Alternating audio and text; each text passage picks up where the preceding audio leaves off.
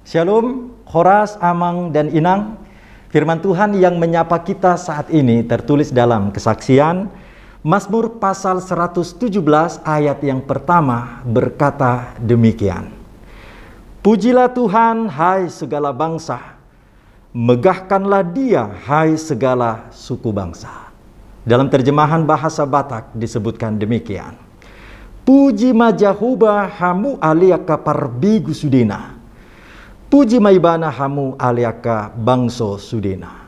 Demikianlah bunyi firman Tuhan. Amang dan Inang jemaat sekalian yang dikasihi dan diberkati Tuhan, firman Tuhan saat ini mengarahkan kita untuk senantiasa setia memuji, memuliakan nama Tuhan. Ini merupakan ajakan sebagai respon karya penyelamatan Tuhan yang telah nyata kita terima.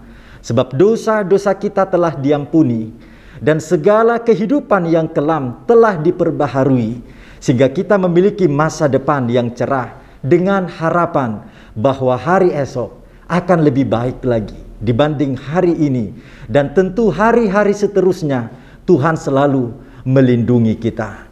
Kitab Mazmur mengarahkan segenap umat Israel memasuki gerbang pintu Jerusalem di bait sucinya agar seluruh umat senantiasa bersatu padu dengan suara, dengan nyanyian, dengan doa, dan pembacaan kitab suci. Ini menjadi satu kesatuan yang kita kemas dengan satu kata, kebaktian. Ketika kita berkebaktian, ketika kita beribadah, kita mau puji nama Tuhan. Kapan dan bagaimana situasinya kita beribadah untuk puji nama Tuhan? Jawabannya adalah tentu setiap saat, setiap waktu Biarlah hari demi hari kita ke depan terus diisi, selalu dibaharui dengan tuntunan Roh Kudus agar firman yang telah kita saksikan, firman yang telah kita dengar, firman yang telah kita terima menjadi sebuah materi harta yang mahal dan tidak pernah tergantikan. Oleh karena itu, jangan pernah bosan untuk memuji nama Tuhan. Selamat beraktivitas Amang dan Inang jemaat sekalian. Mari kita tetap taat prokes pemerintah di masa pandemik yang belum usai ini. Selalu aktif mengenakan masker saat beraktivitas di luar sana. Dan kita juga rajin untuk mencuci tangan dengan sabun dan air yang mengalir. Dan kita harus tetap jaga jarak walau hati kita tidak berjarak. Kemudian kita juga jangan sampai berkerumun. Kita menghindari yang namanya kerumunan dan kita mengurangi sedapat mungkin mobilitas pergerakan di luar sana.